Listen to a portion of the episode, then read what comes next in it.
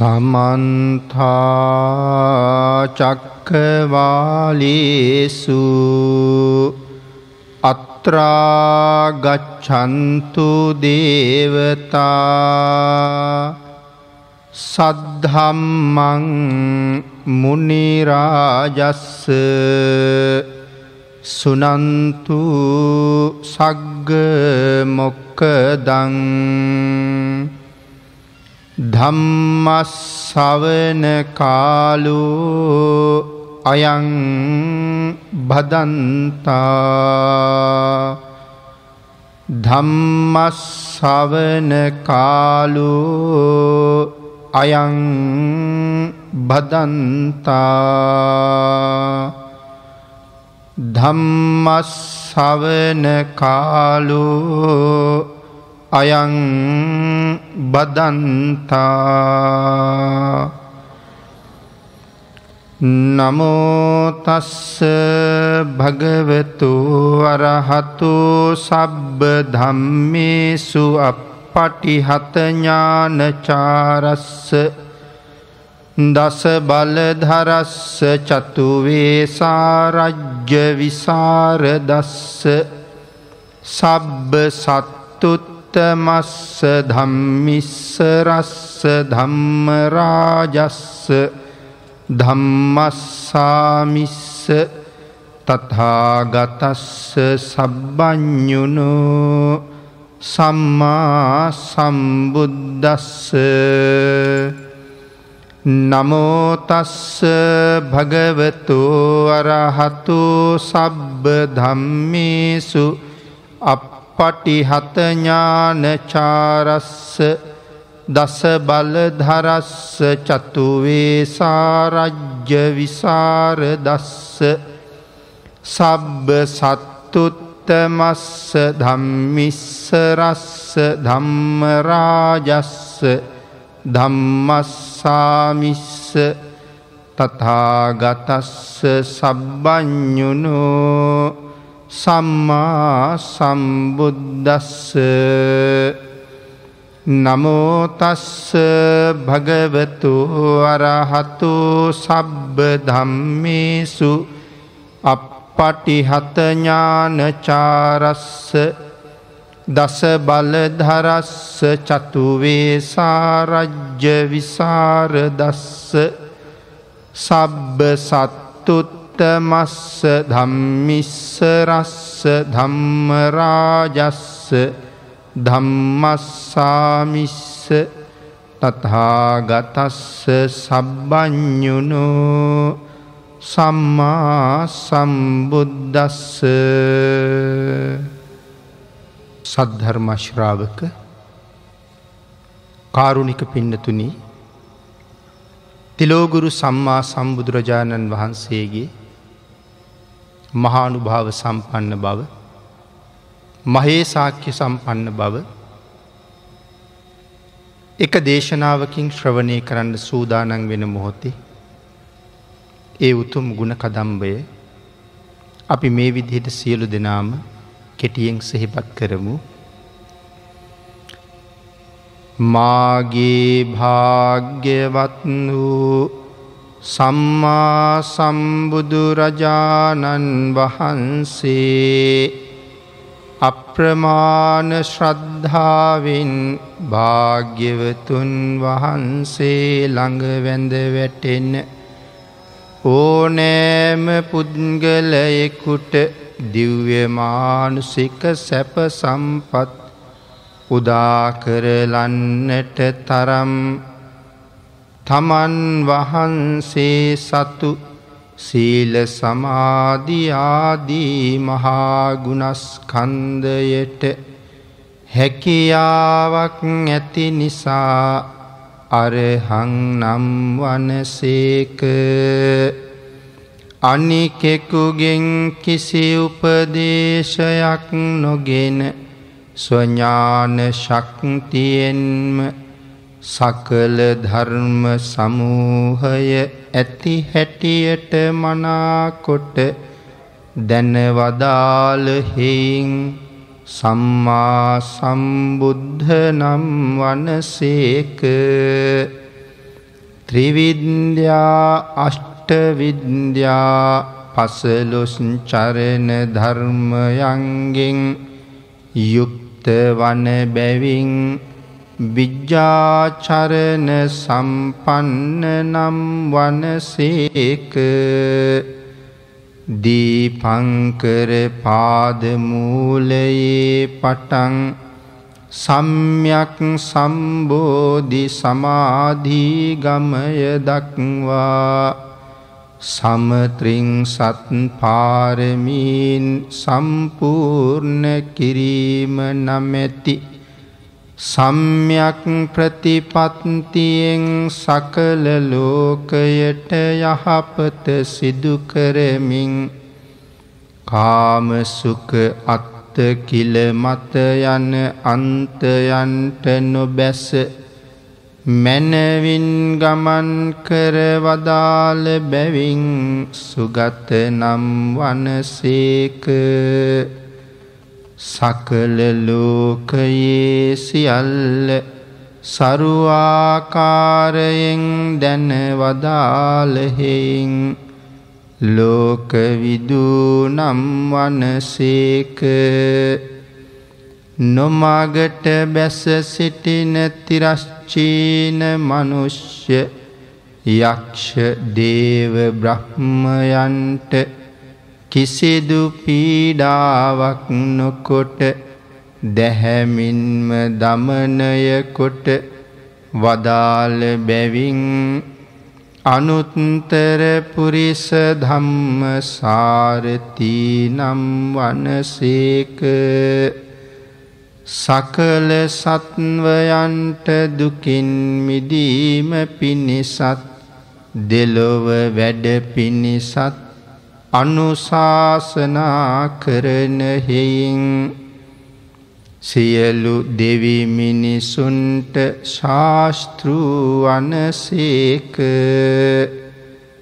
පරමගම්භීර චතුස්සත්‍ය ධර්මය තමන් වහන්සේ විසින් මැනවින් අවබෝධ කරගෙන අන්‍යයන්ටද ඒ ධර්මය මැනවින් අවබෝධ කරවන බැවින් බුද්ධ නම් වනසේක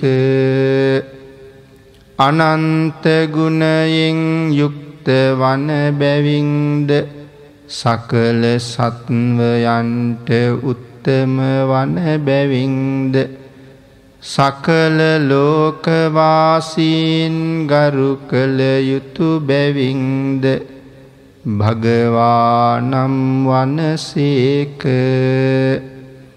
මේ නවගුණයෙන් යුක්ත සම්යක් සම්බුද්ධයන් වහන්සේ සරණයමී ඒ සම්යක් සම්බුද්ධයන් වහන්සේට ශීර්ෂයෙන් වන්දිමී සාදු සාදු සාදු.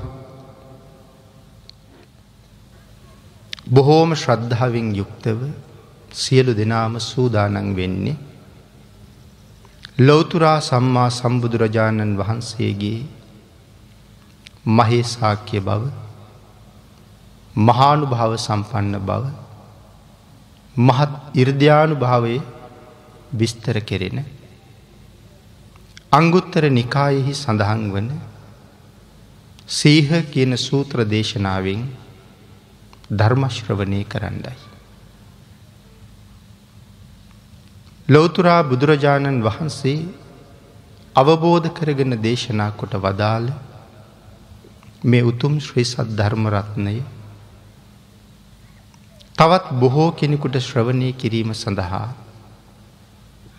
දානය කිරීම මේ ලෝක ඇති සියලූම දානයන්ට වඩා මහත්ඵල මහානිසංසදායක වන එකම දානය බව අපේ භාගිතුන් වහන්සේ ශ්‍රීමුකයෙන්ම දේශනා කොට වදාලා.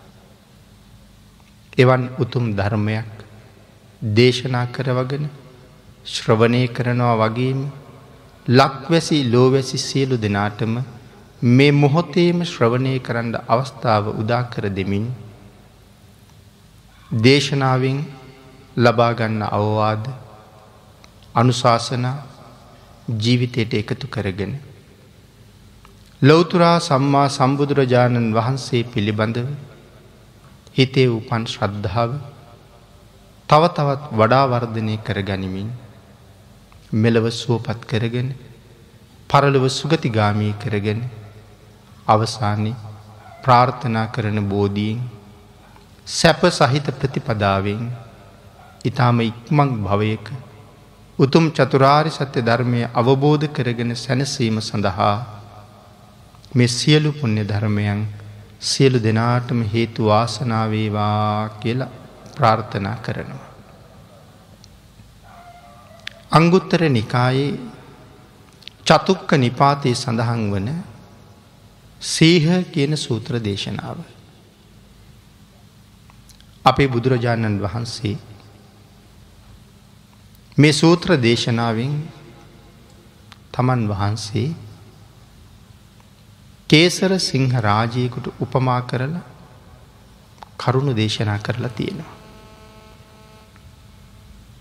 සූත්‍ර දේශනාවේ ආරම්භයේ කේසර සිංහේ කොයි වගේද කියන කාරණාව මුලින් පැහැදිලි කරනවා. පිනතින මේ කේසර සිංහයෝ සාමාන්‍ය ස්තිරිසං සත්තු වගේ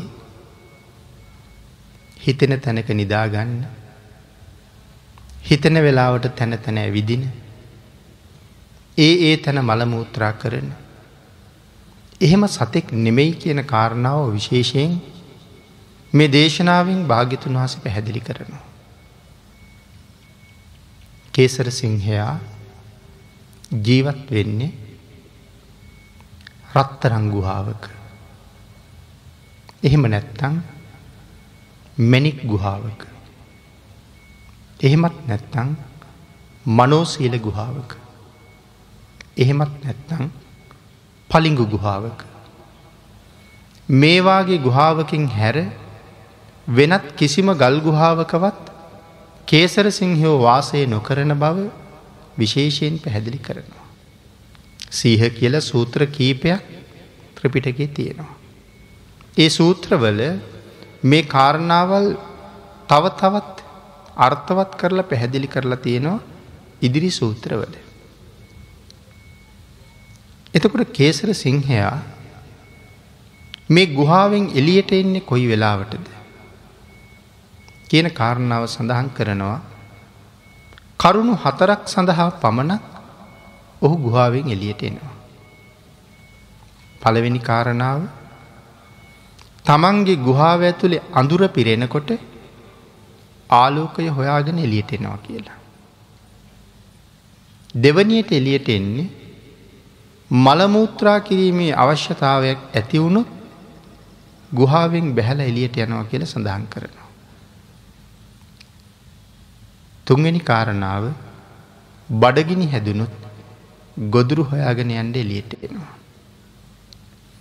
හතරවෙනි කාරණාව සඳහන් කරනවා කාමලෝකයේ ඉපදුන නිසා මූුණ දෙෙන්ට තියෙන කරදරයක් පිළිබඳව. ඒ සූත්‍රී සඳහන් කරලා තියෙන හැටි. ඒ තවයි සහායිකාවක් හොයාගෙන යෑම. ඒ සඳහා ගුහාාවෙන් එලියට එනවා. මෙන්න මේ කාරණා හතර සඳහා පමණයි ගුහාාවෙන් එලියට එනවා කියල සඳහන් කරන්න. නමුත් මේ සූත්‍රය කතා කරන්නේ ආහාර අවශ්‍යතාවය නිසා එලියට එන සිංහයා කොහොමද කටයුතු කරන්න කියන කාරණාව සම්බන්ධී.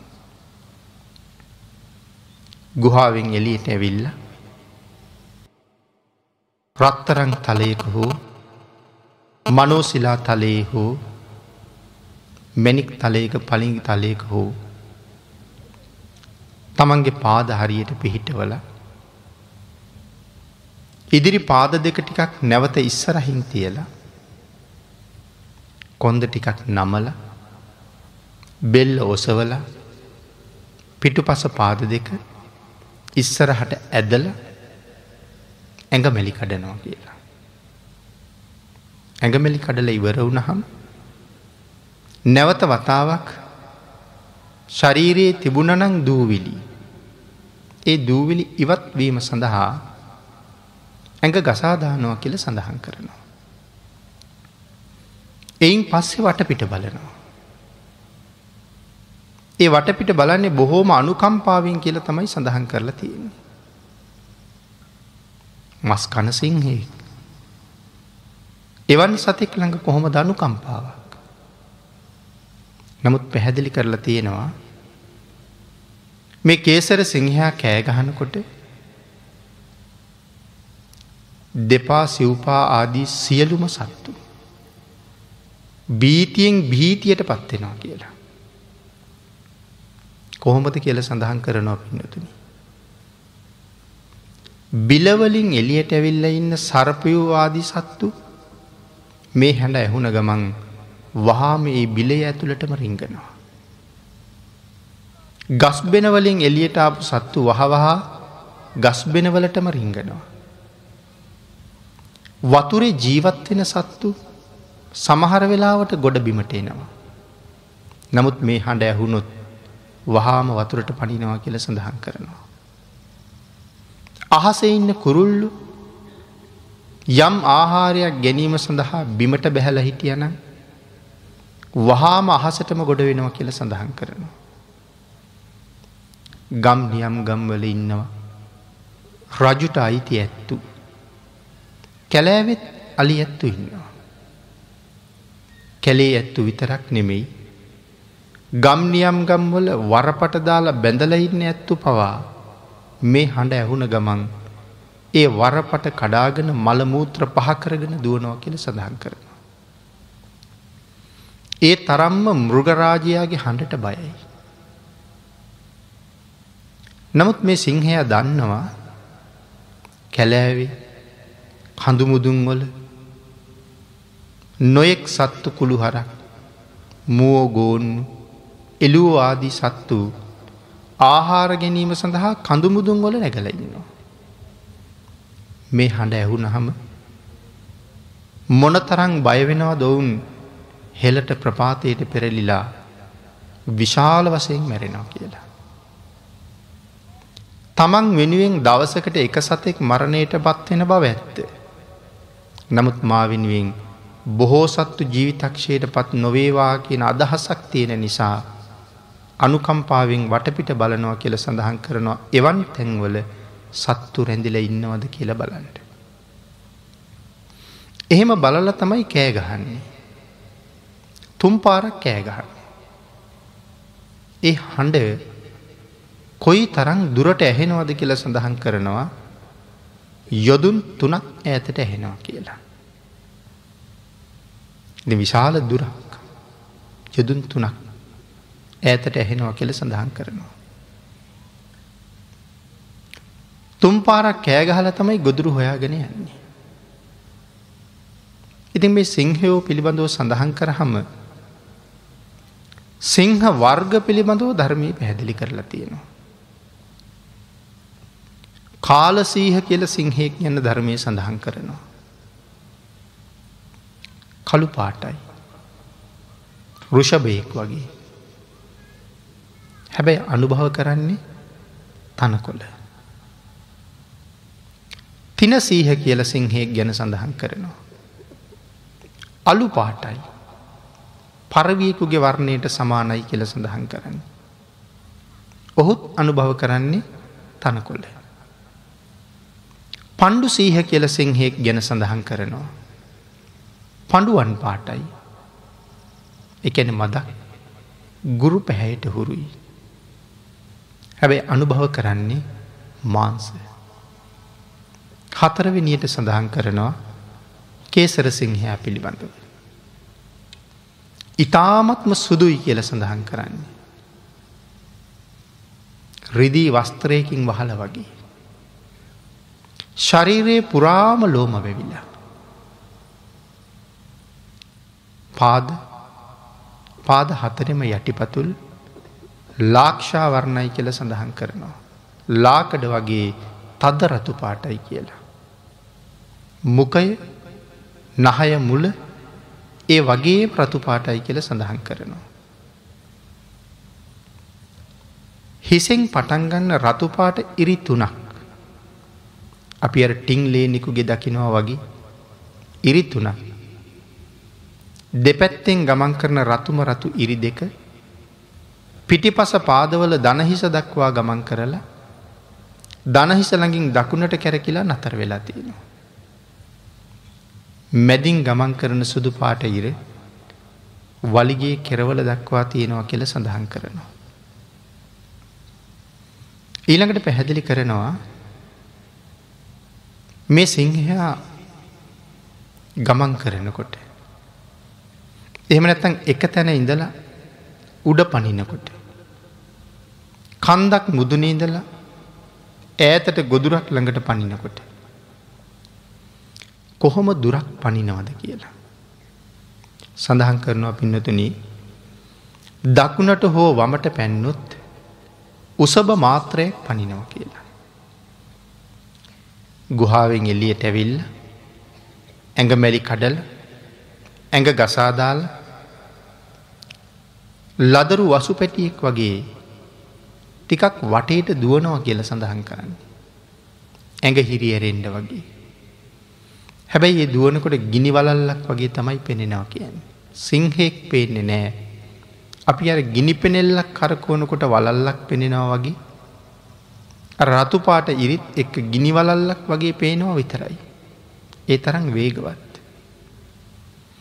ඉතින් එහෙම රවුම් කීපයක් දුවල පැත්තට හෝ වමට හෝ දකුණට පැන්නොත් උසබ මාත්‍රයක් පනිනවා කියල තමයි සඳහන් කරන්නේ. ඉතින් පැහැදිලි කරලා තියෙනවා උසබ මාත්‍රයක් කියලා කියන්නේ මීටර අසූ පහක් ඇතට පනිනවා. එහෙම නැත්තං අඩි දෙසි අසුවක් දුරට පනිනවා කියලා.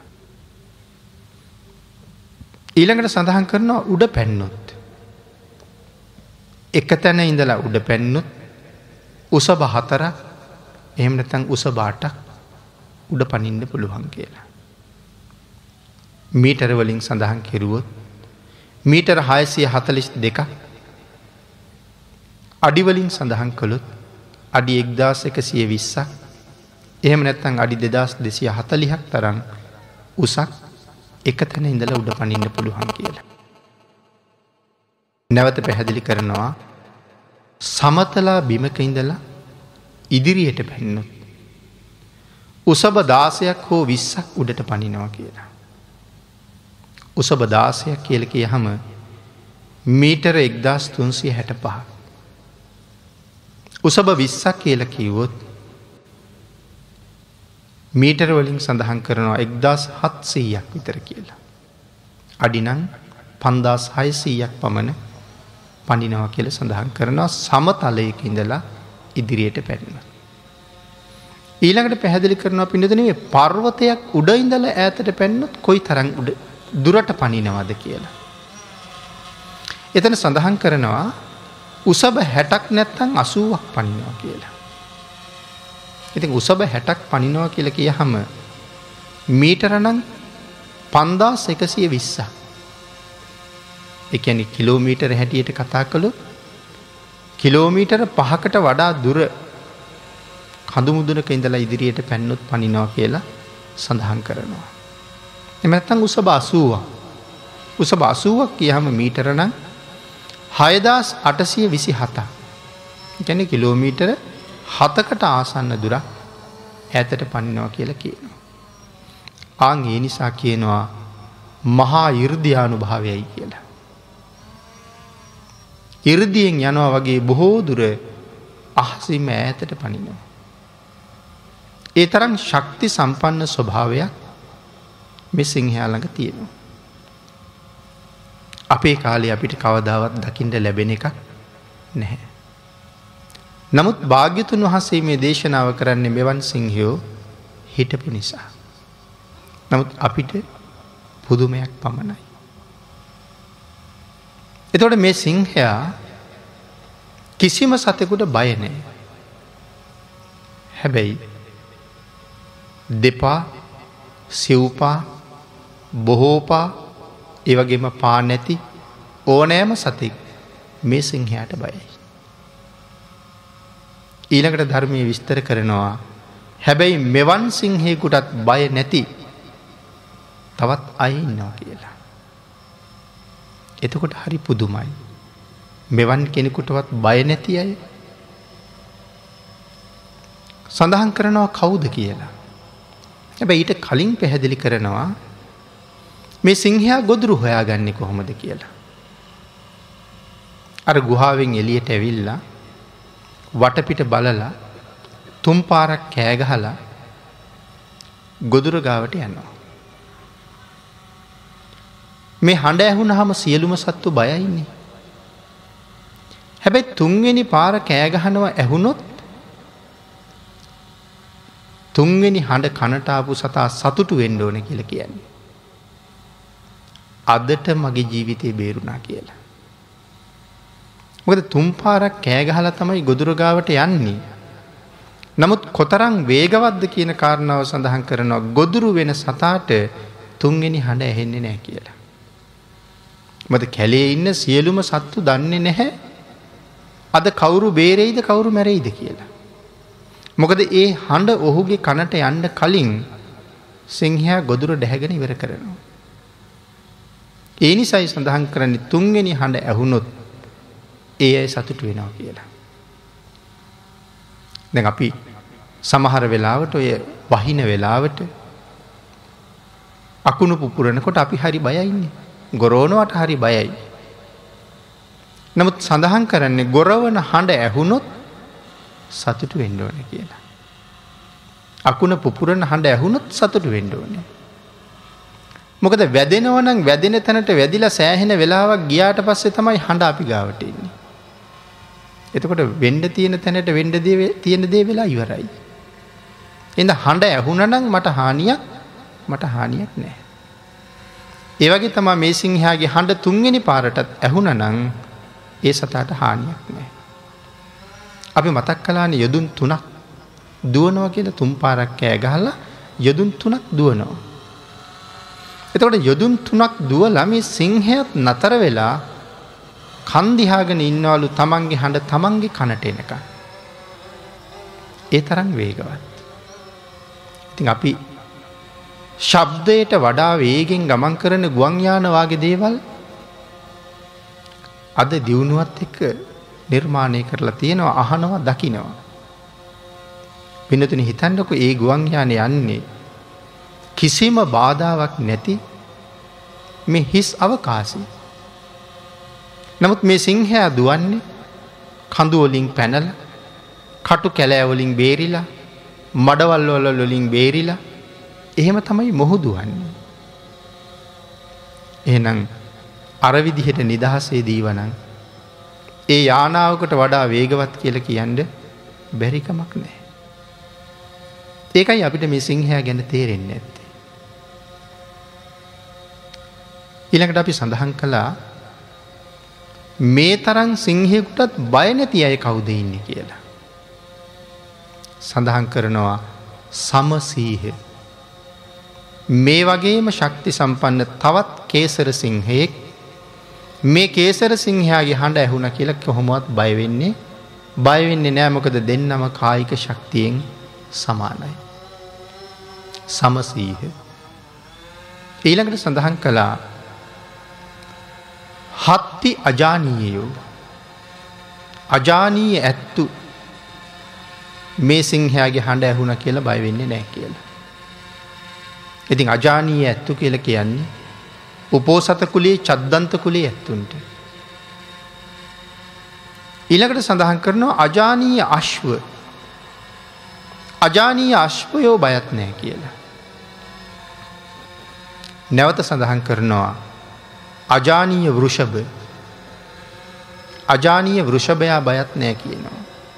වසභ නිසභ වෘෂභ කියලා මේ ගවයන්ගේ නායකයෝ තුන් දෙනෙක් ගැන කතා කරනවා.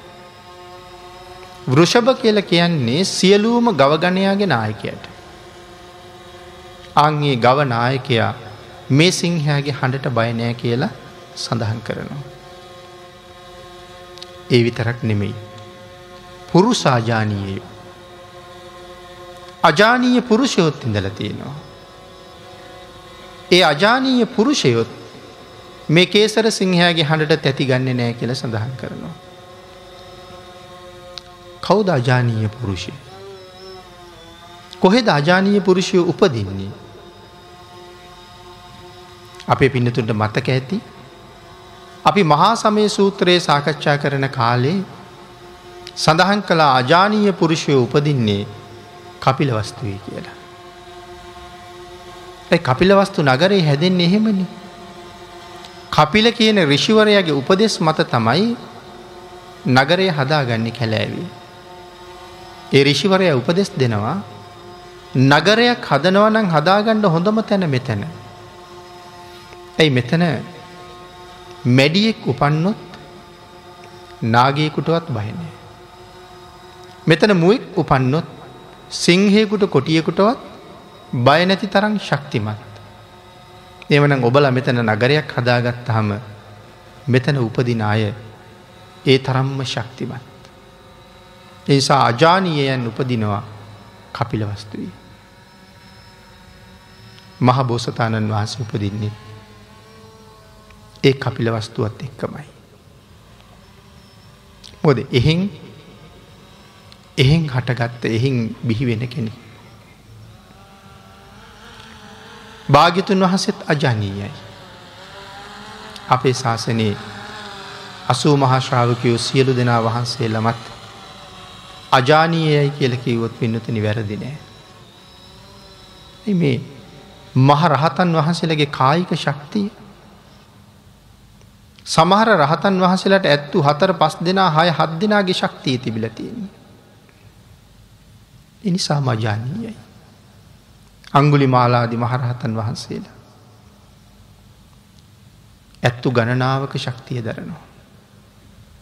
සඳහන් කරනවා හිමාලි හිටපු කාලේ අංගුලි මාල නම් වූ මිනිමරුව කැටියට හිටපු කාලි. ගහක් උඩට ගොඩ වෙලා. ඒමනත්තං මහ පරුවතයක් උඩට නැගල. සැතපුම් හතර පහ ඈත වතුර කඩවල්ලඟ ආහාර ගන්න මුව ගෝන්නු දිහා බලලා ගැබ්බර නැති මහලු නැති ලපටි නැති සතෙක් තරුණ මුවෙක් තරුණ ගෝනෙක් තෝරගෙන මේ කන්ද උඩ ඉඳල කෑගහනවා කියලා. ඒ හඬ කොයි තරම්ද අර සැතපුම් ගානක් ඉන්න සත්තු වහාම කැලෑවට දුවනවා. අංගේ දුවනකොට තමන් තෝරගත්ත සතා අරමුණු කරලා කන්දෙන් නැත්තං ගහෙන් බිමට පැනලා ඔහු වනයට ඇතුල්වෙන්ඩ කලින් පාද දෙකින් ඇදල පොළොවේ ගහනුව කෙල සඳහන් කරනවා. ඒ තරං වේගවත් ගමනක්. මිනිස්සු අතරින් පැනල දීවත් අපි සමහර විට පෑගුණා පමණයි කාටද පෑගුණේ කියන කාරණාවක් දකිින්ට බෑ. පුරුෂාජානීයෝ. සතුටු වෙන්න කාරණාවක් තවත්.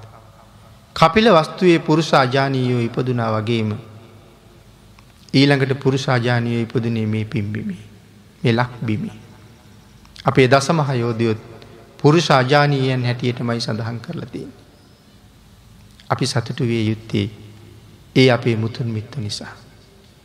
අපිත් එවන් පරපුරකය නිසා. ඊට අමතරව සඳහන් කරනවා ශේනාශ්‍රවයන් වහන්සේලා මේ සිංහයාගේ හඬට බයනය කියලා. එකැන මහරහතන් වහන්සේලා බයනෑ. මහරහතන් වහන්සේලා හැර අපි මුලින් සඳහන් කරපු අජානීය සත්වයෝ කුමක් නිසා බයිනොවෙනවාද. ඔවුන් ළඟ සක්කාය දිට්ටියක් තියෙනවා. හැම කෙනාටම හිතෙන්නේ අන් හැමෝටම වඩා මම ශක්තිමත් කියලා.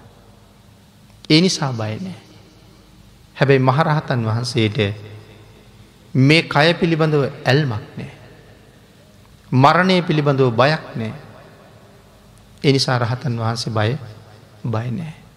තන්හාය ජායිතී සෝකෝ තන්හාය ජායිතී භයන් තන්හාාව නැතිකරපු මහරහතන් වහන්සේට ශෝකයත් බයත් දෙකමනෑ. ඊට අමතරවත් සඳහන් කරනවා. අනාගාමින් වහන්සේ බයත් නෑ කියලා. ඉති මේ සිංහයාට මෙවන් අය බය නෑ කියලත් සඳහන් කරනවා. ඊළඟට පින්නතිරි සඳහන් කරනවා මේ සිංහයා මේ තරන් ශක්තිමත්. කායික ශක්තිය එහෙමයි. ඒ කායික ශක්තියෙන් හැම කෙනෙක්ම අභිභවනය කරනවා. මේ සිංහයත් එක්ක අපේ බුදුරජාණන් වහන්සේ කොහොමද සමාන කරන්න කියලා. විශේෂයෙන් සඳහන් කළ යුතු කාරණාවක් තියෙනවා. දැන් මේ සූත්‍රයේ බුදුරජාණන් වහන්සේ තමන් වහන්සේව සිංහයකුට උපමා කළා. අංගුත්තර නිකායේ පංචක නිපාතයේ සහ දසක නිපාතයේ සූත්‍ර වලත් සමහර වෙලාවට. ඒ සූත්‍රවලත් භාගිතුන් වහසේ තමන් වහන්සේ සිංහෙක් හැටියටම උපමා කරලා තියෙනවා. පංචක නිපාතය සහ දසක නිපාතයේ තියෙන සූත්‍රවල. මජ්්‍යම නිකායේ එක තැනක භාගිතුන් වහසේ තමන් වහන්සේ ඉතාම දක්ෂ ශල්්‍ය වෛද්‍යවරයෙක් කියලා හඳුන්වලා දෙනවා. ඒ වගේම මජ්්‍යමනිකායේ සුනක් කතා ආදී සූත්‍රවලත් භාගිතුන් වහසේ විදිහටම උපමා කරනවා. තමන් වෛද්‍යවරය කෙටියට. අංගුත්තර අට්ටක නිපාතයේ සූත්‍රයක බුදුරජාණන් වහන්සේ තමන් උසස් බ්‍රාහ්මණය කැටියට හඳුන්වලා දෙනවා. සංයුක්ත නිකාය සූත්‍රයක තමන් වහන්සේ අති දක්ෂ මාර්ගෝපදේශකය කැටියටත් තමන් වහන්සේ හඳුන්වලා තියෙනවා. සේල සූත්‍රයෙන් තමන් වහන්සේ මහ රජෙක් හැටියට මේ සූත්‍රයෙන් කේසර සිංහරාජය කැටියට භාගිතුන් වහසේ හඳුන්නලා තියෙනවා. එහෙම නං අපි ඊළඟට සාකච්ඡා කළ යුත්තේ. අපේ භාග්‍යතුන් වහන්සේ මේ සිංහ රජුට සමාන වෙන්නේ කොහොමද. සිංහ රජු රන් ගුහාවේ වාසය කරනවා. එහෙම නැත්තං මැනික් ගුහාවක එහෙමත් ඇත්තං මනෝසිලා ගුහාවක පලිඟු ගුහාවක වාසය කරනවා. සිංහයාගේ ඒ වාසය කිරීමත්. භාග්‍යතුන් වහන්සේගේ වාසය කිරීමත් කොහොම ගැලපෙනවද. සිහ සූත්‍රයෙන් සඳහන් කරනවා. ලොවතුරා සම්මා සම්බුද්ධත්වයට කලින්. මනුස්සලෝක ජීවත් වන අන්තිම ආත්මෙන් පස්සේ. තුසිත කියන දිව්‍ය ලෝක ඉපදිලා. අවුරුදු පනස් හත්කෝටි හැට ලක්ෂයක්. දෙවි රජෙක් හැටියට දිව්‍ය ආයුෂය බුක්තිවිඳල සුදුසු කාලයේ පංච මහා විලෝකනය කරලා. මේ විශ්වයේ එදා මෙදා තුර පහළ වෙච්චේ. පුුණ්‍යවන්තම මෑනියන් සොයාගෙන ඒ කුසේ පිළිසිඳ ගත්ත කාලීඉඳලා. දසමාසයක් මවකුසේ ජීවත් වන කාලයත් දහදාහක් සක්වල කම්පා කරවලා මවකුසෙන් මෙලවට බිහි වෙලා අවුරුදු විසි නමයක් තරන් කාලයක් වෙනකම්. දිව්‍ය විමාන හා සමාන මාලිගා තුනක. අප්‍රමාණ රාජාශ්චර්ය විඳවිඳ ගතකරපු කාලය සිංහ රජු රන්ගුහාවේ ගතකරපු කාලය හා සමානයි කියලා. ඉළඟට සඳහන් කරනවා තවත් තැනක භාගිතුන් වහසේ පල සමාපත්තියෙන් වාසය කරන කාලය එයත් සිංහ රජු රන්ගුහාවේ වාසය කරන කාලයට සමානයි කියල සිහිපත් කරනවා. ඊළකට සඳහන් කරනවා රංගුහාාවෙන් සිංහ රජු නික්මෙන කාලය කාරණා හතරක් සඳහා නික්මෙනවා කියලා අපි මතක් කළා. එයට කොහොමද භාග්‍යතුන් වහන්සේගේ චරියාව සංසන්ධනය කළේ. සිහිපත් කළා ගිහි සැප ගැන කලකිරිලා. අවුරුදු විසි නමයක් ආයු වලඳලා. අවුරුදු විසි නමේදි තීරණය කළා මේ විඳින සැපය තුළ කිසිම සැපයක් නෑ කියලා. මේ කාම සැපය තුළ කිසිම සැපයක් නෑ. අපේ බුදුරජාණන් වහන්සේ මාගන්දිය බ්‍රාහ්මණයටත් ඔය කාරණාව විස්තර කළා. මාගන්දිය මේ පංචකාමය විඳපු මිනිසුන් අතර මම තරං පංචකාමය විඳපු කවුරුවත් නෑ. නමුත් ඒ පංචකාමය තුළ කිසිම සැපයක් සතුටක් ස්තිරව නැති බව අවබෝධ වෙච්ච දවසේ ඒ මාලිගා විතිබිච්ච කාම සැපය අලුයම හෙලූ කෙලපිඩක්සේ මං අයින් කළා. ඒ පංචකාමය දුකක්මයි. අල්ප වූ සැපයක් මහත් වූ දුක. කියන කාරණාව පැහැදිලි කරලා. මාගන්දීට සඳහන් කරනවා මේ කාම සැපය කියලා අපි හොයනදේ කොයි වගේද කියලා. තුවාලයක් තියෙන මිනිහෙක්. ඒ තුවාලයේ නියාගින් කසනකොට දැනෙන්නේ ඔහුට සතුටක්.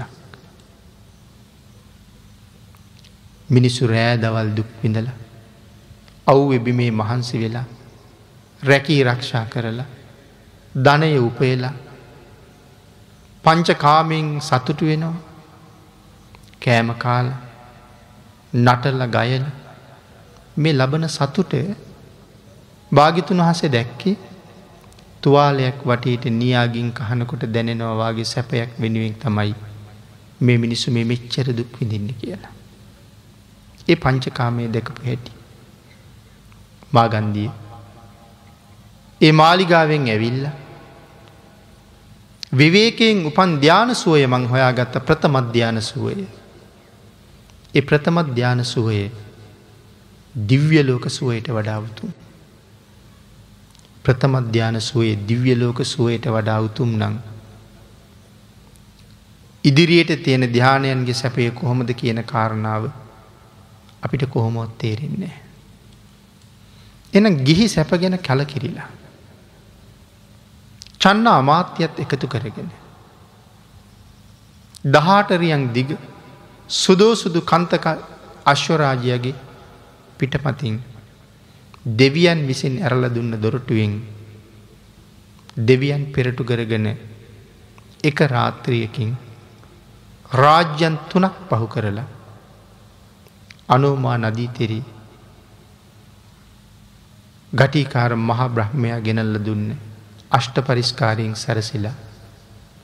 අනුපිය අඹමනයට වැඩම කරලා දවස් හතක් විතර විවේක සුවයෙන් ඉඳලා. බිම්බිසාර මහරජ්ජුරුවන්ගේ රාජ්‍යයට වැඩම කරලා පළවෙනි වතාවට පිඩිසිගාගෙන පණ්ඩවගිරි පර්වතයට වැඩම කරලා දානිටික වලඳලා ඒ පර්වතයේ වැඩවාසය කරමින් බිම්බිසාර මහරජ්ජුරුවන්ගේ ආරාධනාවට ප්‍රතිඥ්ඥා දක්වපු කාලය සිංහ රජු රන් ගුහාාවෙන් නික්මෙන කාලයට සමානයි කියලා සඳහන් කරලා තියෙනවා. බිම්බිසාර මහරජ්ජුරුවන්ට ප්‍රතිඥ්ඥා දුන්න කාලය කියල සඳහන් කරහම. රජ්ජුරුවන්ට ප්‍රතිඥ්ඥා දුන්නේ රජ්ජුරුව තමන්ගේ රාජ්‍ය බෝසතාණන් වහන්සේට පිළිගැන්නවා. මහරජි. යුද්ධ කරලවත් තමන්ගේ රාජ්‍ය දෙන්නේ නැහැ. නමුත් මහ බෝසතාණන් වහන්සේගේ දාන පාරමිතාව කොපමණද. බිම්බිසාර මහරජ්ජිරුව තමන්ගේ මුළු රාජ්‍යම බෝසතාණන් වහන්සේට පූජ කලා යුද්ධයක් නැතු. ඒකයි පූජ කලා කියල සඳහන් කළේ. නමුත් සිහිපත් කලා මහරජ සක්විති රාජ්‍ය අතහැරල යන්නේ ලෝතුරා බුද්ධ රාජ්‍ය හොයාගෙන. ඔබේ රාජ්‍ය ඔබම පාලනය කරන්න. බිම්බිසාර මහරජ්ජුරු එතන ඉඳලා නැවත රජෙක් බවට පත්වෙන්නේ බෝසතාණන් වහන්සේගේ අත්හැරීම නිසාමයි. ඒම නැත්තං ඒ වෙනකොටත් රාජ්‍ය පවරලා පවරලා ඉවරයි. නමුත් රජ්ජුරුව ඉල්ලීමක් කලා ස්වාමීනිය බොහන්සේ හොයන ලොවතුරා බුදු බව ලබාගත්ත දවසට මුලින්ම මගේ රාජ්‍යයට වඩින්න කියලා. ඒ ආරාධනාවට භාගිතුන් වහසේ එද බෝසතාණන් වහස එකඟ වුණා.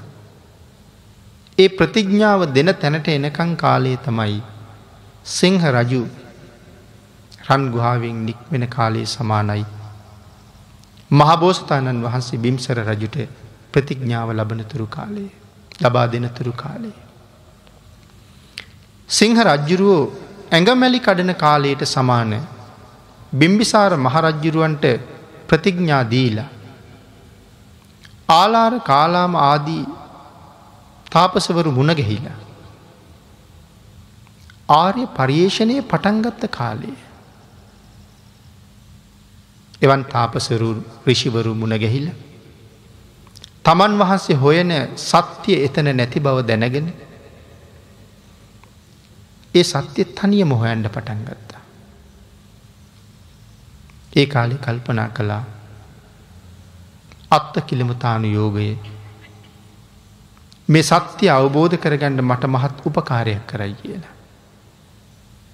එනිසා ශරීරයට දැඩි දුක්තුන්නා. හය අවුරුද්දක් පුරාවට දුෂ්කරක් ක්‍රියාවක් කළා.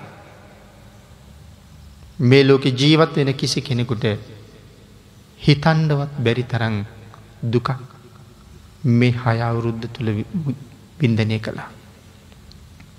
සමහර වෙලාවට දවසකටම ආහාරය එක බත් ඇටයක් විතරයි. එක මුං ඇටයක් එක කඩල ඇටයක් පමණයි. එහෙම නැත්තං පාත්‍රයට වැටුණ ගහක ගෙඩිය ගහක කොලයක් පමණයි. නමුත් සඳහන් කරනවා. මහා බෝසතාණන් වහන්සේට මේ තල ඇටේකුත් යැපෙන්ඩ ඇත් ප්‍රමාණවත් කියලා. ඒ කොහොමද තල ඇටේකුණුත් යැපෙන්නේ. අපි ගන්න ආහාරය ඕජාව රසය අපේ ශරීරයට ගන්න බොහොම පුංචි ප්‍රමාණයක්.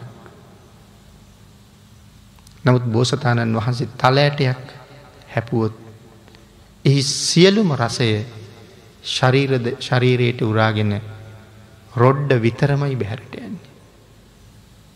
අංගේ නිසා එයත් ප්‍රමාණවත් කියල සඳහන් කරනවා බෝසතාණන් වහන්සේට. දවසක් එපෙන්ට. ඇති මෙහෙම දුෂ්කරක්‍රියාවක් හයවුරුද්දක් මුළුල්ලි කරන.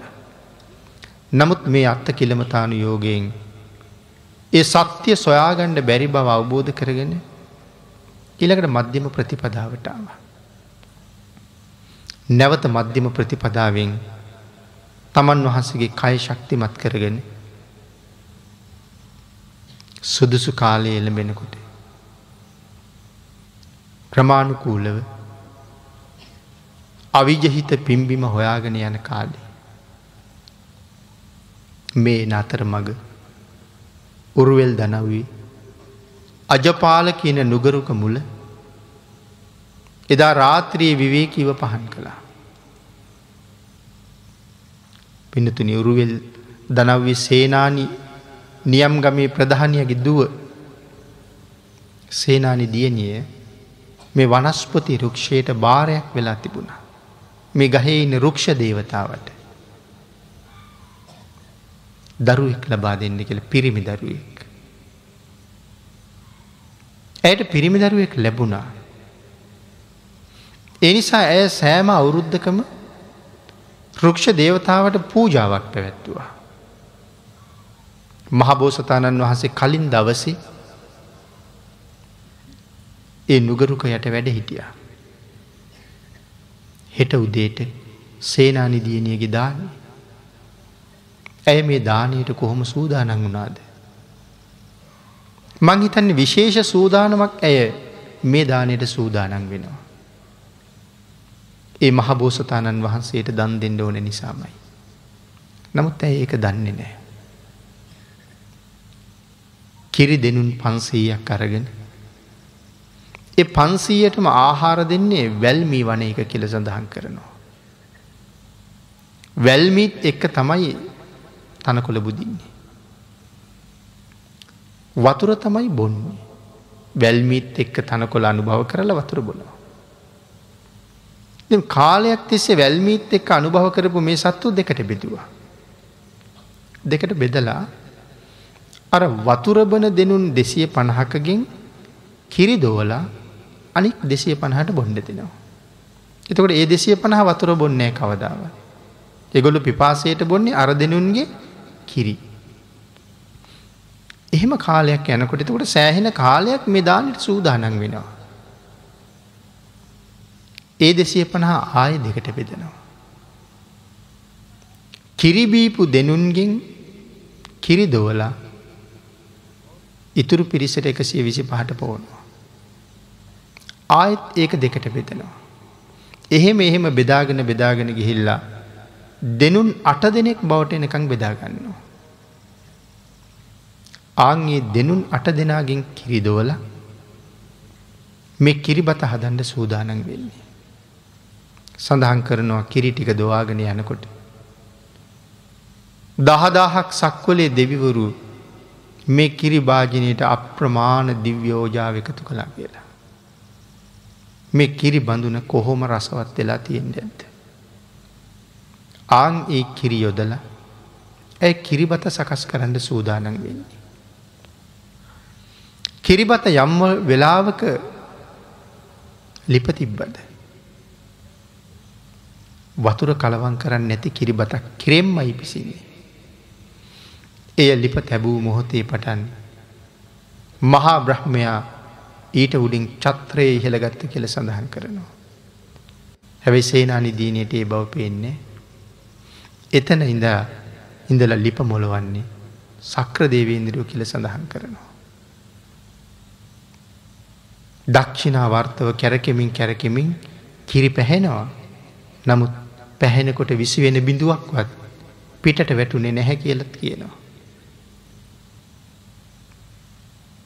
එයින් හදාගත්ත කිරිබත.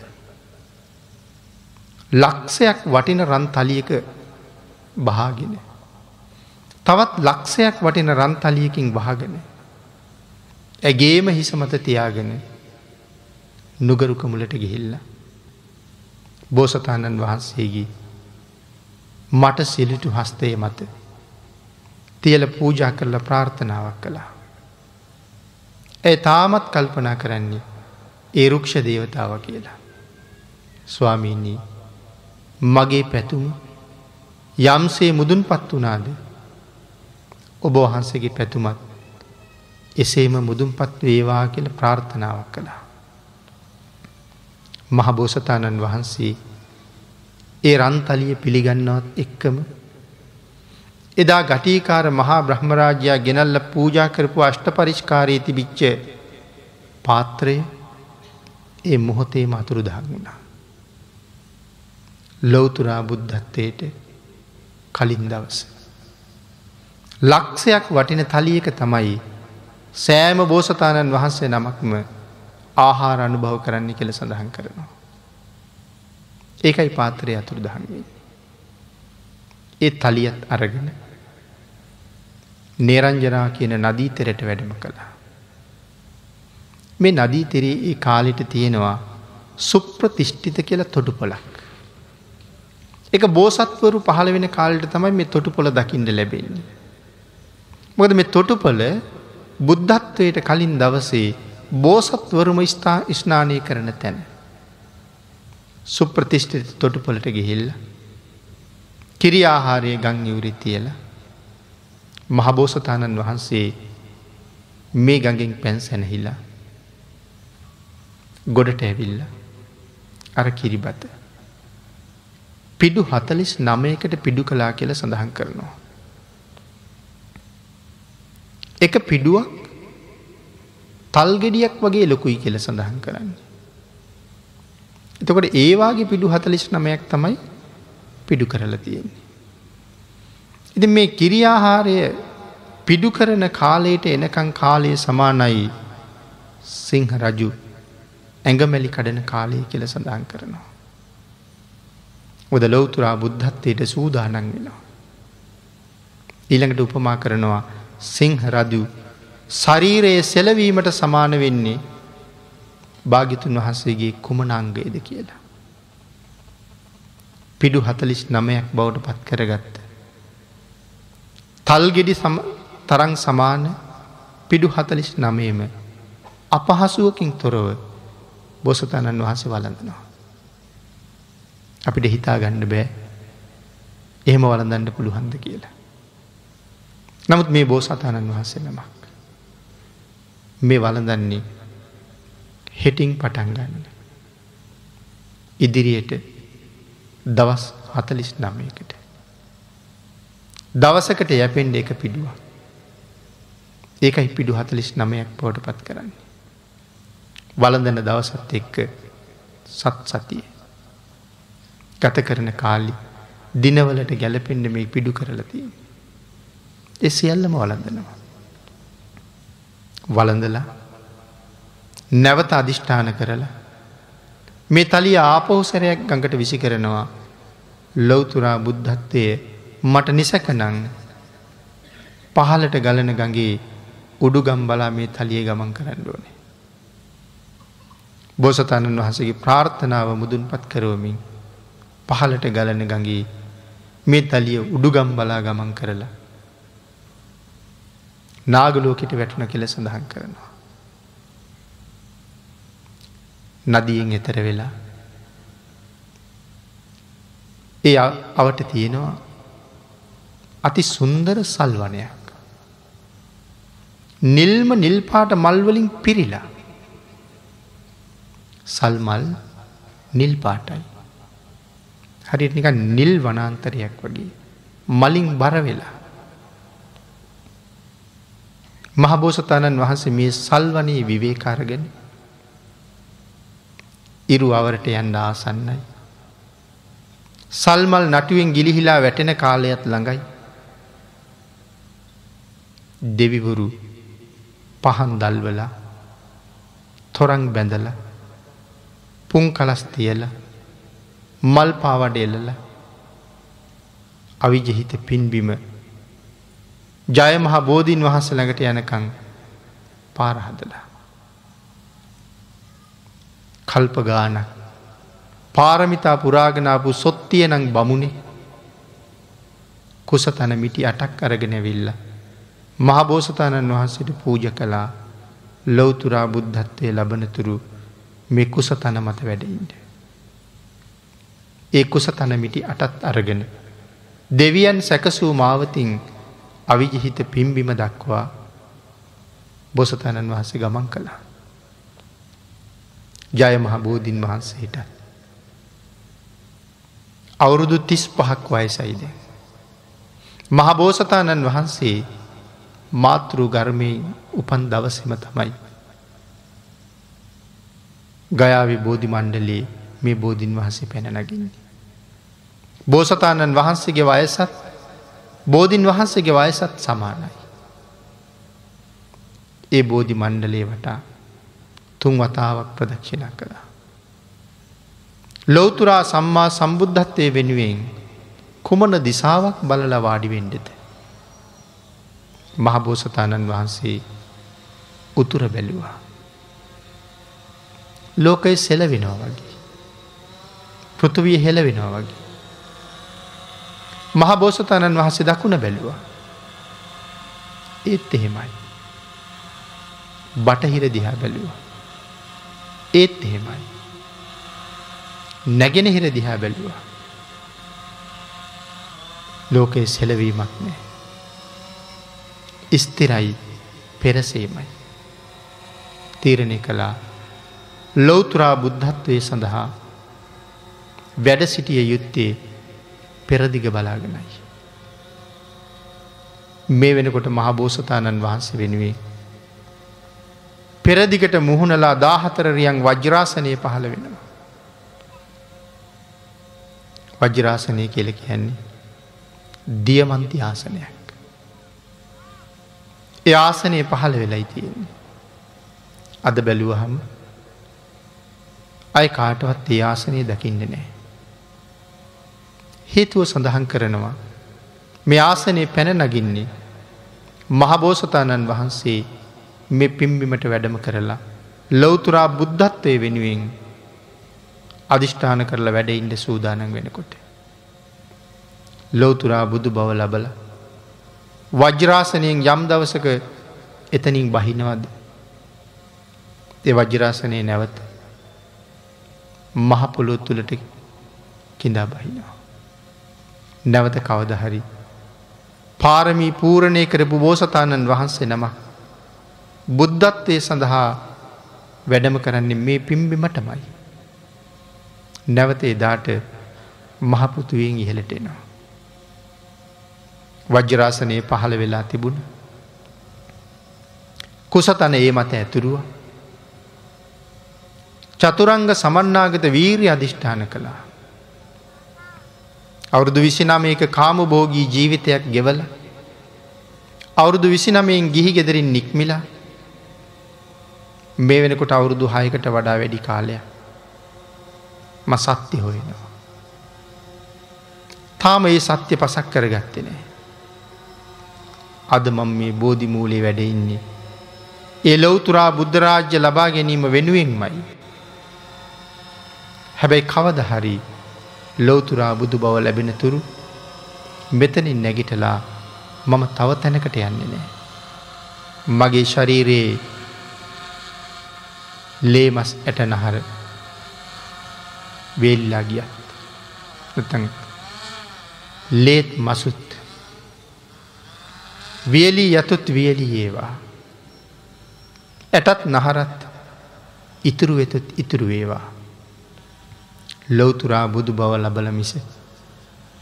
මේ පල්ලංකය මතින් නොනැගිටිමි කියන අධිෂ්ඨානයෙන් තමයි පල්ලංකේ මත වාඩිවෙන්නේ. සක්‍ර දේවේන්ද්‍රයන් වහන්සේ. මේ අධිෂ්ඨානයෙන් ප්‍රීතියෙන් ප්‍රීතියට පත් වෙලා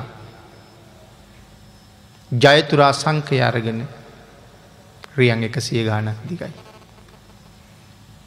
මේ වෙලාවේ සියලුම දෙවියන්ට හෙන්ඩ පිඹින වෙලාව.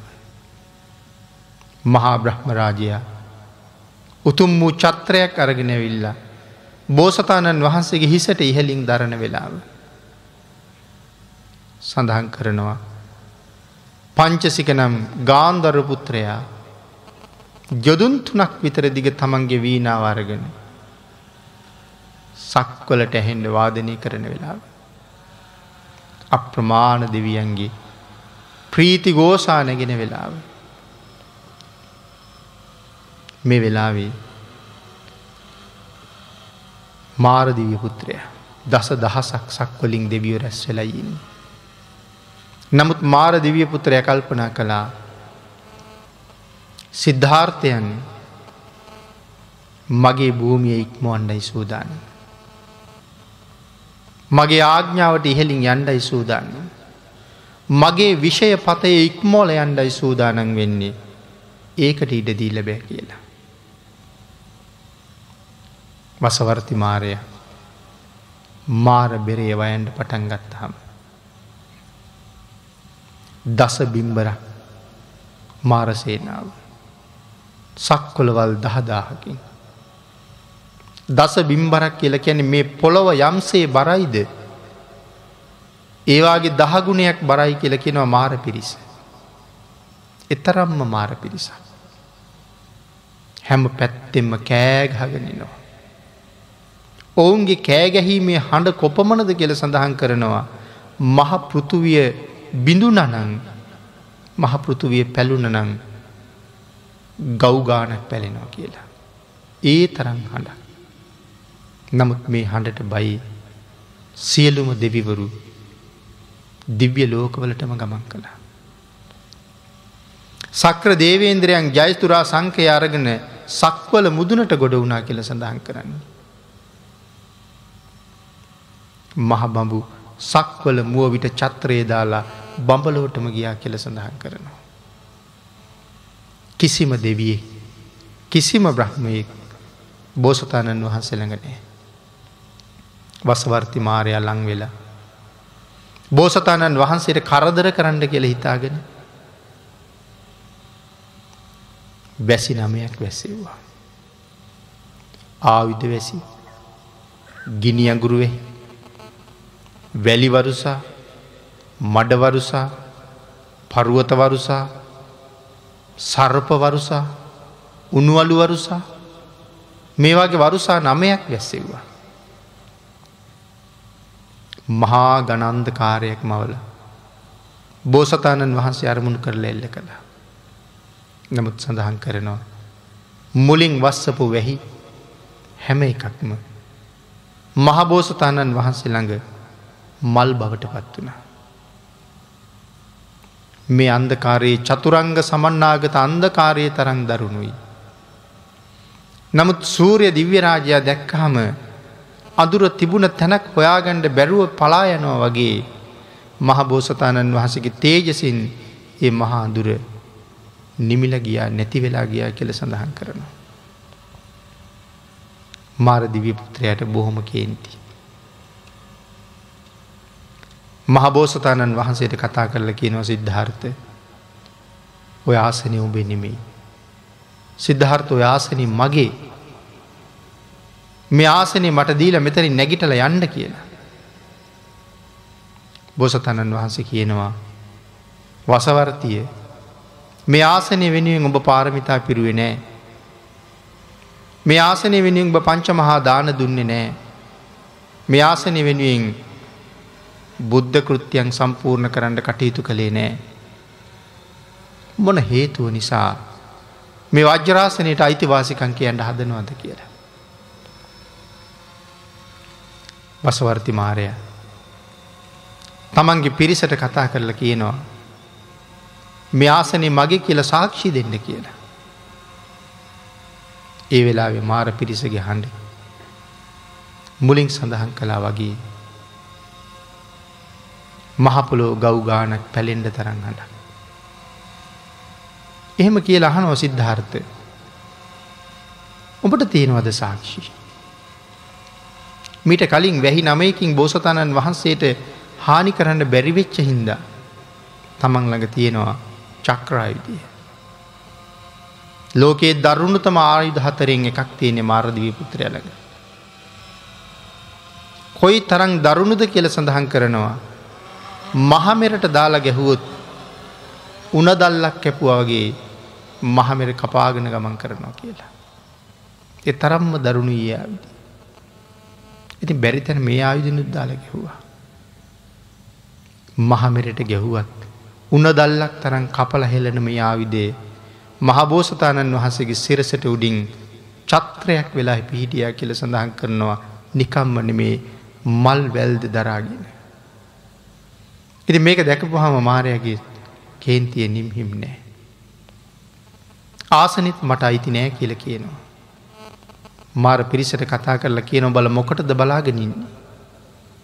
මේ සිද්ධාර්ථයන් මෙතනින් ඉවත් කරපල්ලා. පැනල දුවන්ඩ දෙන්න එපා කියලා. වජ්‍රාසනයට සාක්ෂි යහනකොට මහබෝසතාණන් වහස සඳහන් කළේ මාරයේ. මං පිරූ පාරමිතා ගැන මං මොකට ආවර්ජනය කරනවාද. වෙස් අන්තර මහරජ්ජුරුව පංච මහා දාන දෙන වෙලාවේ මේ මහපොළොව අඩපු තරන්න මහපොලෝට දකුණු ශ්‍රී හස්තය දිගු කරලා ඒවෙල ඇව සඳහන් කළේ මහපතුයේ එදා දහදාහක් සක්කොළවල් කම්පා කරව කරව වෙවුලපු මහපොලොව අද ශාක්ෂි කියන්න ඇත්ත. මාරයට මෙච්චර පිරිසක් ඉන්න. මගේ අම්ම තාත්තා දෙන්නම ළඟ නෑ. මගේ කියලා ඥාතියෙක් මේ වෙලා ළඟ නෑ. මගේ කියල සහෝදරයෙක් මේ වෙලා ළඟ නෑ. මගේ ආරක්ෂාවට කිසි කෙනෙක් නෑ. ඉති මම මේ ආසනයේ උරුමක්කාරය කියලා ශාක්ෂි කියන්න ඇත්ද. සඳහන් කරනවා මේ මහපොලෝ සියවර දහස්වර දස දහස්වර කම්පා වෙනකොට. යොදුන් සීයක් විතර උස මාරයගේ ගිරිමේ කලා කියෙන හස්තියා බෝසතාණන් වහන්සේ දිහා බලාගෙන දනින් වැටුණ කියලා. ඒත් එක්කම මාර පිරිස මහා වාතයකට මුහුණ දුන්න පුළුම් ගොඩක් වගේ දෙන්නෙක් එක මග නොයා සීසීකට දීව කියල සඳහන් කරනවා. බෝසතාණන් වහන්සේට අභියෝග කරන්න එතනින් එහාට වෙන කවුරුවත්ම නෑ. හැබැ මේ තරම් මාර පිරිසට දෙවියෝ බ්‍රහ්මයෝ පවා බය වෙනකොට මහ බෝසතාණන් වහසට බයක් ඇතිවුණේ නැද්ද කියලත් ප්‍රශ්නයක් අහනවා. එකට උත්තරයක් සපේනවා. අම්ම තාත්තා සහෝදරයෙක් ඥාතියෙක් ළඟ නොහිටියට. සියලු දෙවි බඹුන් අතහැරල දාලා ගියාට සංසාරිපුරා උන්වහන්සේ පෝෂණය කරපු යෝධයෝ දහ දෙන ළඟ ඉන්න නිසා බයක් දැනුනෙ නෑ කියලා. ඒ යෝධයෝ දහ දෙන ළඟ ඉන්න නිසා මාරය ඇවිල්ල කෑගහනකොට මාරයාගේ හඬ බෝසතාණන් වහන්සේට දැනෙන්නේ කේසර සිංහෙක් ළඟ හිවල්ලු කෑගහනවා වගේ. කිසිම බීතියක් නෑ. මහා ගිනි හුලක් ළඟ පළගැටියෝවාගේ. පාරමිතාව නැමති ගිනි හුල ළඟ මේ ඔක්කොම මට පළගැටියෝ විතරයි. තනිසා හිරු බැහැල යන්නත් කලින් මාරයාව පරාජය කරපු මහබෝසතාණන් වහන්සේ. ලෝතුරා බුද්ධත්වය අධිෂ්ඨාන කරලා. මෛත්‍රී කර්මස්ථානයට තමයි මුලින්ම සමවදින්නේ.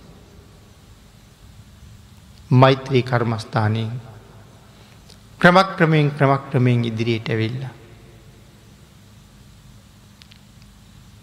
ආනාපාන සතියෙන් තමන් වහන්සගේ හිත මනාව දිනාගෙන යමක ඥානය අනුලෝම පටිලෝම ඥානය.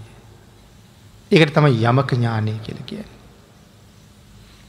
යමක ඥානය කියන හැන්දිින් පටිච්ච සමුපාදය කියන සාගරය කාල් ගෑව කියල කියන්නේ. පටිච්ච සමුපාදී සත්වයා සසර යන හැටි. එකට හේතුව හොයන්ඩ යමක ඥානයෙන් මේ සාගරයේ කළඹනවා. ආං එහෙම කළඹ කළඹ ඥානය මෙහෙවන වෙලාවී මේ සාගර පතුලෙන් උන්වහසට හම්බෙනවා. සරුවඥතා ඥානය කියන මානික රතනය. ඒ ඥානයේ ප්‍රතිවේද කරනවා කියල කියන්නේ ලෝතුරා සම්මා සම්බුද්ධත්වයේ ශාක්ෂාත් වනා කියන එකයි. අහසිං දිව්‍යමය මල් වැහි වරු සාාවක් කෙරෙන්න ගත්තා. යොදුන් අසූහාර දාහක් තරන් ගැඹුරු මහසාගරය ප්‍රනීත රස වනා කියල සඳහන් කරනවා මදුර වුණා. මහසාගරයේ රැලි නැගෙන එක නතර වෙලා. පංචවර්ණ පදුම පිපෙන්ඩ ගත්තා. පහලට ගලාගෙන යන ගංගා ගලන එක නතර වුණා. සෑම ගංගාවකම නෙලුම් පිපෙන්ඩ පටන් ගත්තා. මහපොලෝ දියෙන් සෝදලා මුළු මහපෘතුවියම නෙළුම් මලින් පිරෙන්ඩ ගත්තා. කඳුසිකර පලාගෙන දණ්ඩ පදුම පිපෙන්ඩ ගත්තා. අහසිං දිවමල් වගේම නෙළුම් මලින් වියන් හැදුනා. මුළු දහදාහක් සක්වල එකම මංගල සිරියක් කරගත්තා. දහදාහක් සක්වලම එකම මල් පිඩක් එකම මල් ආසනයක් වගේ මලින්ම පිරෙන්ඩ පටන් ගත්තා. නිමිති තිස් දෙකක් මේ වෙලායි පහළ වෙනවා. සප්ත සුරියොත් ගමනය ඇති වුණා වගේ කවදාවත් එලියන වැටෙන ලෝකාන්තරික මහනිරයට එලිය වැටෙන්ට පටන් ගත්තා. අවිචයේ ඉඳල සියලුම නිරයන්ගේ ගින්දර නිමුණා. බඩගින්න ඉන්න සියලුම ප්‍රේතයන් ආදි සත්වයන්ගේ බඩවල් පිරුණ. පිපාසයෙන් හිටපු හැම කෙනෙකුගේම පිපාසය සංසිඳුනා. මහාකල්ප අසංක්‍ය හතරයි ලක්ෂ එකක් සංසාරි පාරමිතා පුරපු මහබෝසතාණන් වහන්සේ ලෝතුරා බුද්ධත්වය ශාක්ෂාත් කරගත්තා. මේ මේ කාලය සඳහන් කරනවා සිංහ රජු ශරීරයේ සෙලවීමට සමානයි කියලා. ඇයි සිංහ රජු ශරීරයේ සෙලෙව්වේ දූවිලි වගේ දෙයක් ඇත්නම් ඒ ශරීරයෙන් ඉවත්තෙන්ට. මෙතෙක් කාලයක් නිමක් නැති අනාදිමත් කාලයක් සංසාරි තමන් ළඟ තිබුණ කෙලෙස් දූවිලි. පමණින් පමණ පමණින් පමණ ඉවත් කර ඉවත් කර ඇවිල්ල. නැවත කවර කවුම දාකවත්. කෙලෙස් දූවිල්ලෙන් අපිරිසිදු වෙනවා තබා ස්වාභාවික වාතයෙන් විශ්වයෙන් අරගෙනෙන දූවිලි පිඩක්පත් ගත නොදැවටෙන තැනටම භාගිතුන් වහන්සේ සියලු කෙලෙස් දුරු කළා. එවන් ශරීර ධාතුවක් ඇතිවුණා. එමන සිංහ රජු දුහවිලීවත් කලා වගේ මහබෝසතාණන් වහන්සේ කෙලෙස් දූවිලි නැත්තටම නැති කරල දෙම. සිංහ රජු සතර දිසාව බැලීම සමාන වෙන්නේ කුමන කාරණාවකටද. සිංහ රජු සතර දිසාව බලනවා. සත්වයන්ට අනුකම්පාව පිණිස. ඒක කොහොමද මහබෝසතාණන් වහන්සේට සමාන වෙන්නේ. සම්මා සම්බුද්ධත්වයෙන් පස්සේ තපස්සු බල්ලුක කියන වෙළඳ දෙබෑයු දෙන්නගේ මී පිඩුදානය වලඳලා. විලඳ මී පිඩු සහිත විලඳ දානය. තපස්සු බල්ලුක කියන මේ දෙන්න වෙලෙන්තු දෙන්නේ. මහබෝසතාණන් වහන්සේ ලොවතුරා බුදු බව ලබාගෙන වැඩඉන්න තැනින් තමයි මෙ දෙන්න වෙළඳාමයන්. මේ වෙලාවේ වැඩඉන්න තැන. නමුත් සඳහන් කරනවා භාගිතුන් වහසේ වැඩඉන්න තැනට මේ රත ගමන් කරනකට ඒ රත එතන එරෙනවා. වතුරනෑ බැස්සනෑ නමුත් රතටි කේරෙනවා. මෙහෙම තැනක එරුණි කොහොමද වටපිට පැල්ලුවා. ඒ වෙලාවි කෙනෙක් කතා කරලා කියනවා. උඹලගේ රත නිකම් එරුණ නෙමෙයි. උඹලගේ රත මමයි එරෙන්ඩ සැලැස්වී. මෙතන උඹල නවත් අන්ඩුවන නිසා. ඔබ කවුද කියලෙහුවා. මං වෙන කවුරුවත් නෙමේ. මං උඹලගෙම නෑයෙක්. මගේ ඥාතීන්ට අනුකම්පා කරලා මහ පූජක් කර පූජාවක් කර වණ්ඩයි උඹල මෙතන නතර කළේ. එ උඹල දන්න ඇද්ද. ලෝතුරා බුදුබා වෙනුවෙන් පාරමිතාපුරපු සිද්ධාර්ථ මහ බෝසතාණන් වහන්සේ ලෝතුරා බුද්ධත්වයේ ශාක්ෂාත් කරගෙන මේ අවත් මෙතන වැඩඉන්නවා. මේ ලෝකයේ දෙවියෙක් බ්‍රහ්මය කවුරුව. තාම උන්වහසට දංවේලක් දුන්නේ නෑ. බුදු වෙච්ච අලුත්ම බුදුරජාණන් වහන්සේට. පළවෙනි දානය පූජ කර පල්ල කියල කිවා. ඒකටයි මේ නතර කරගත්ත.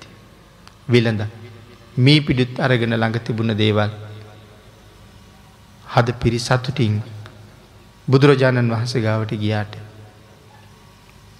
ආහාර පූජ කරන පාත්තරයක් නෑ. සඳහන් කරනවා නිගන්ටයන්සේ අතට පිළිගන්න ස්වභාවයක් බුදුවරුන්ගෙන නෑ කියලා. ඒක දැකපු සතරවරං දෙවිවරු. ඉන්ද්‍රනීලමය මානික්‍ය පාත්තර හතරක් බුදුරජාණන් වහන්සේට ගෙනල්ල පිළිගැන්නුව මැනික් පාත්තරයේ පිළිගන්නේ නෑ කියල සඳහන් කරනවා. ඒක දැනගත්ත දෙවියූ. මුක්ක වර්ණ ශෛල පාත්‍ර හතරක් බුදුරජාණන් වහසට පිළිගැන්වා. මුක්ක වර්ණයි කියල කියන්නේ මුං ඇටවල පාටයි කියල සඳහන් කරනවා. පාතර හතරක් පිළිගැන්නවා. නමුත් හතරක් පලක් නෑ. එකක් පිළිගත්තු අනිත් තුන් දෙනට දුක හිතෙන්න්න පුළුවන්. පාත්තරා හතරම පිළියරන් එක උඩ තියල අධිෂ්ඨාන කරහම පාත්තර හතර එකක් බවට පත් වනා භාගිතුන් වහස්සේගේ පාත්තරා දහත්වේ කටළඟ ඉරි හතරක් තිබුණ කියල කියනවා. එයින් කියාපාන මේ පාත්‍රා හතරම මෙතන තියෙනවා කියන එකයි. ඒ පාත්‍රයට වෙළඳ දෙබෑයු මේ පිඩි සහ විලඳ පූජ කළා. ඒ ආශ්චර්යමත් දානය. සුජාතාවගේ දානයක්ත් එහෙමයි. එක මේ ශාසනය සුවිශේෂී දානය. මහබෝසතාණන් වහන්සේටත් ලොවතුරා බුදුරජාණන් වහන්සේටත් සුජාතාව එකවර දන් දුන්න. එවන් දානයක් මේ ලෝකෙ වෙන කාටවත් අය දෙන්න පුළුවන්කමක් නෑ. ඒ වගේම ඊට සමානදානයක් චුන්ද කර්මාර පුත්‍රයගේ දානය එවන් දානයකුත් මේ ලෝකෙ වෙන කාටවත් අය දෙන්න පුළුවන්කමක් නෑ. තපස්සු බල්ලෝකයන්ගේ දානයත් මහත් ආනුභාව සහිත ආනිසංස ලැබෙන දානය. මේ වෙළඳ දෙබෑයු දෙන්නම පස්සෙ කාලෙ රහත්වෙනවා. ඉතින් මහබෝසතාණන් වහන්සේ මේ පිඩු දානය වලඳලා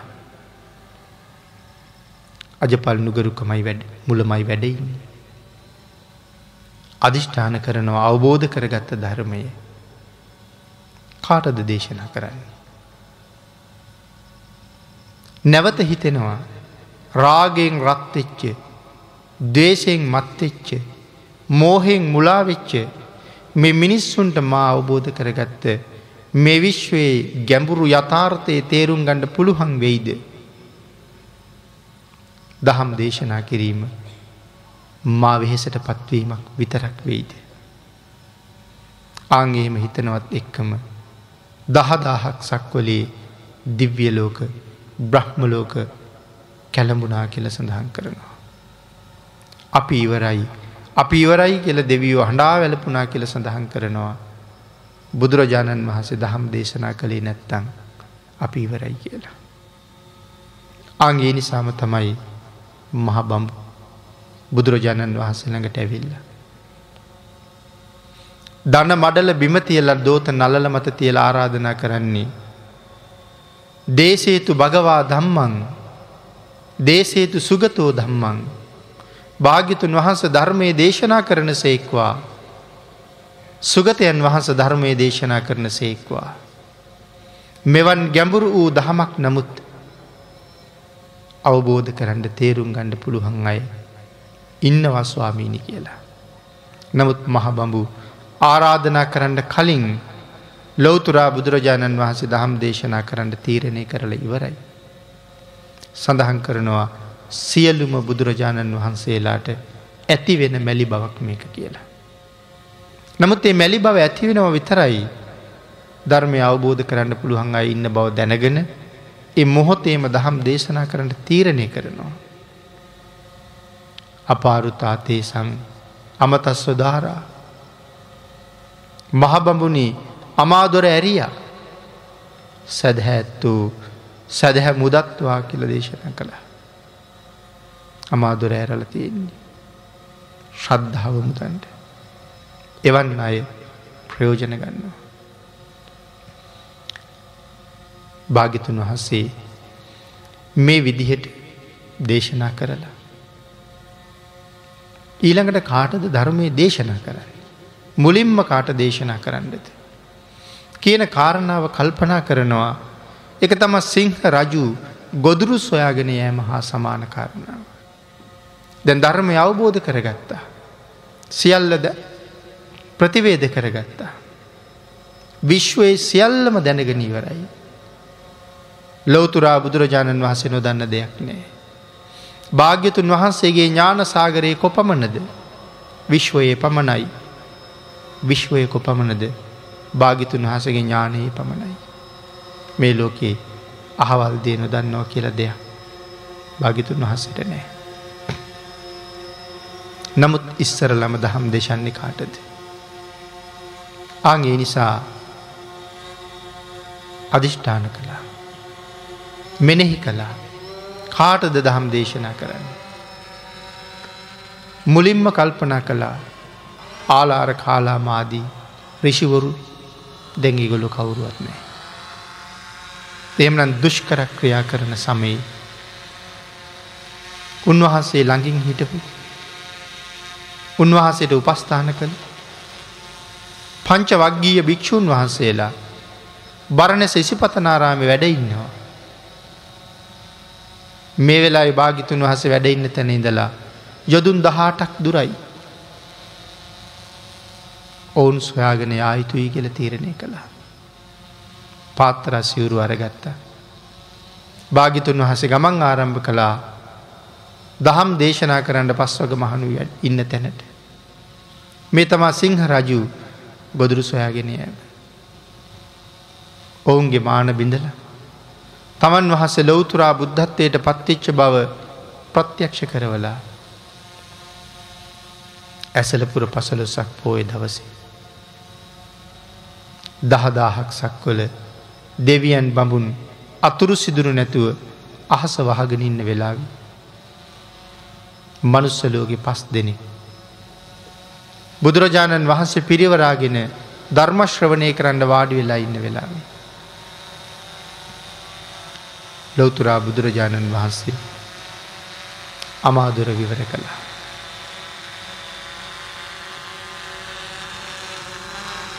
අංගිදා ඉස්සිස්සරලාම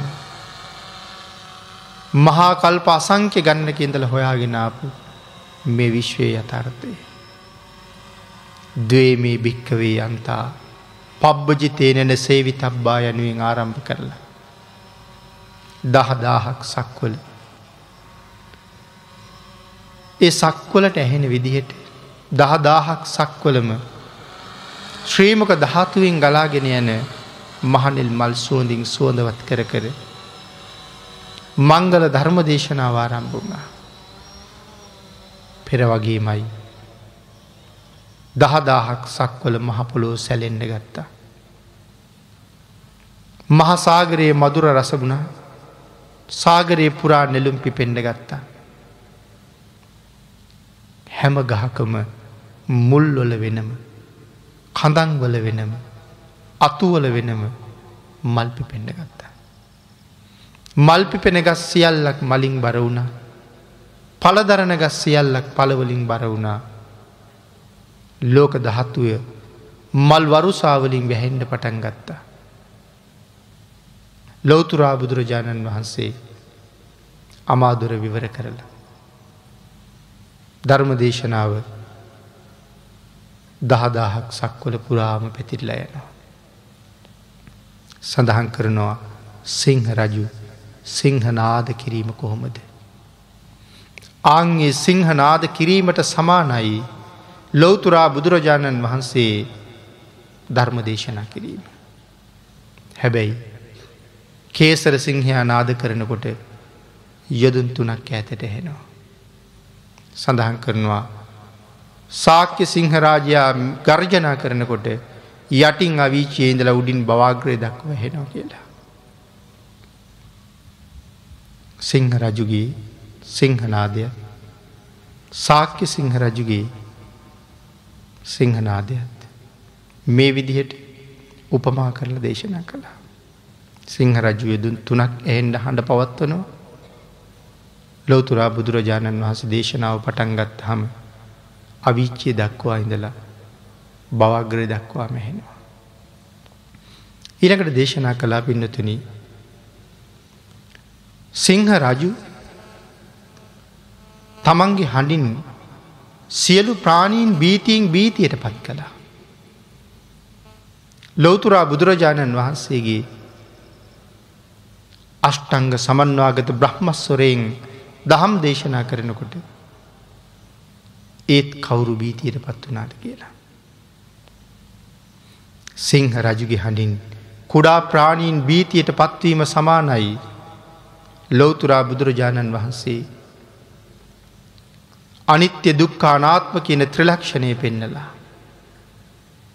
ඒ ත්‍රලක්ෂණය අංග දාසය ආකාරයකින් දක්වලා. දාසය ආකාරයකින් දක්වපු ත්‍රලක්ෂණය සහිත මේ ධර්මය. නැවට කොටස් හැට දාහකට බෙදල දේශන කරන්න. දහදාහක් සක්කොලේ දෙවියන් බඹුන් බීතියට පත් වනා කියලා. කල්ප ගණන් ආවුෂ තියෙන කල්ප ගණන් දිව්‍ය සැප විඳ නිමක් නැති දිව්‍ය ආශ්චරයෙන් මත්තෙච්ච දෙවියෝ තමයි බීතියට පත්වෙන්න ගත්තෙ මුලින්ම. දෙවියෝ කල්පනා කරනවා මෙතෙක් කල් අපි රැවටිලා හිටිය. ඇයි මෙතෙක් කල් රැවටිලා හිඳල තියෙන්නේ.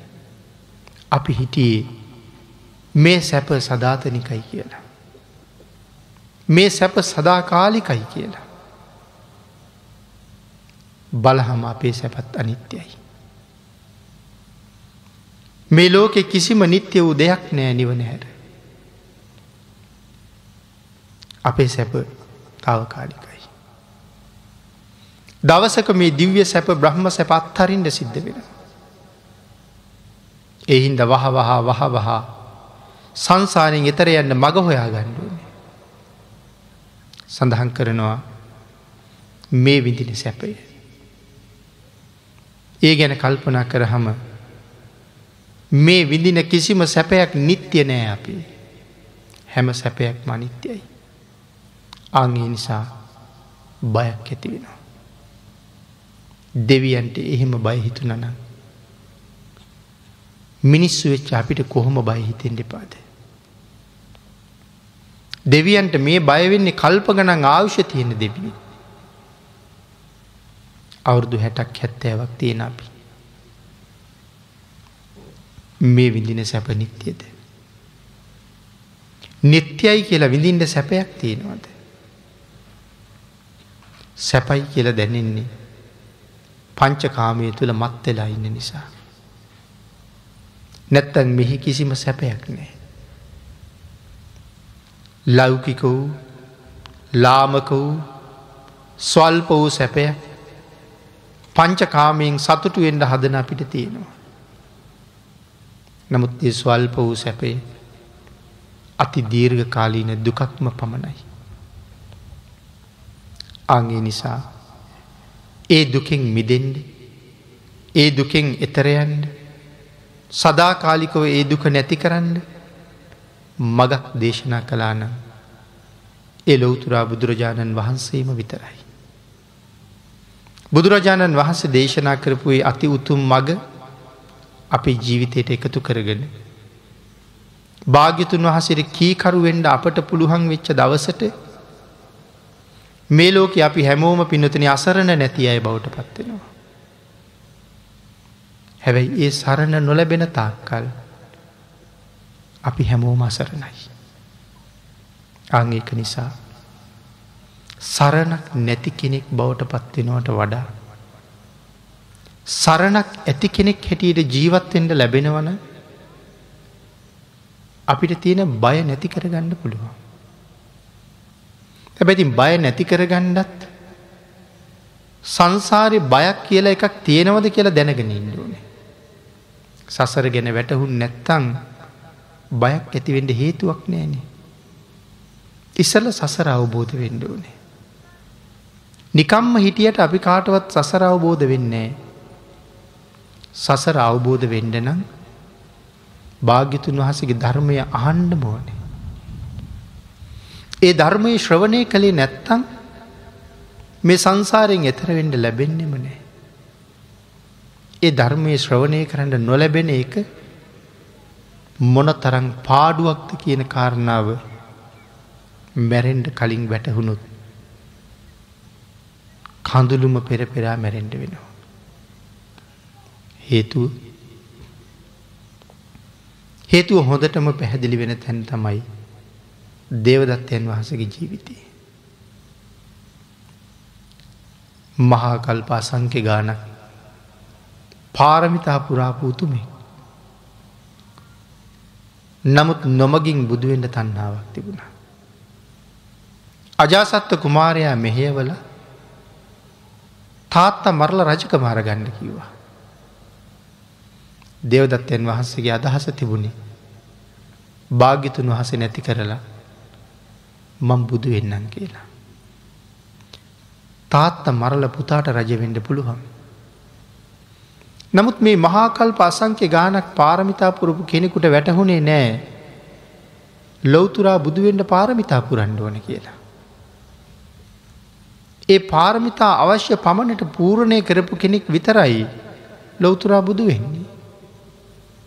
ලොවතුරා බුදු බව වෙනුවෙන් පාරමිතා පූරණය කරලා නැති කෙනෙක් කොහොමද බුදුවෙන්නේ කියන කාරණාව වැටහුණේ නෑ.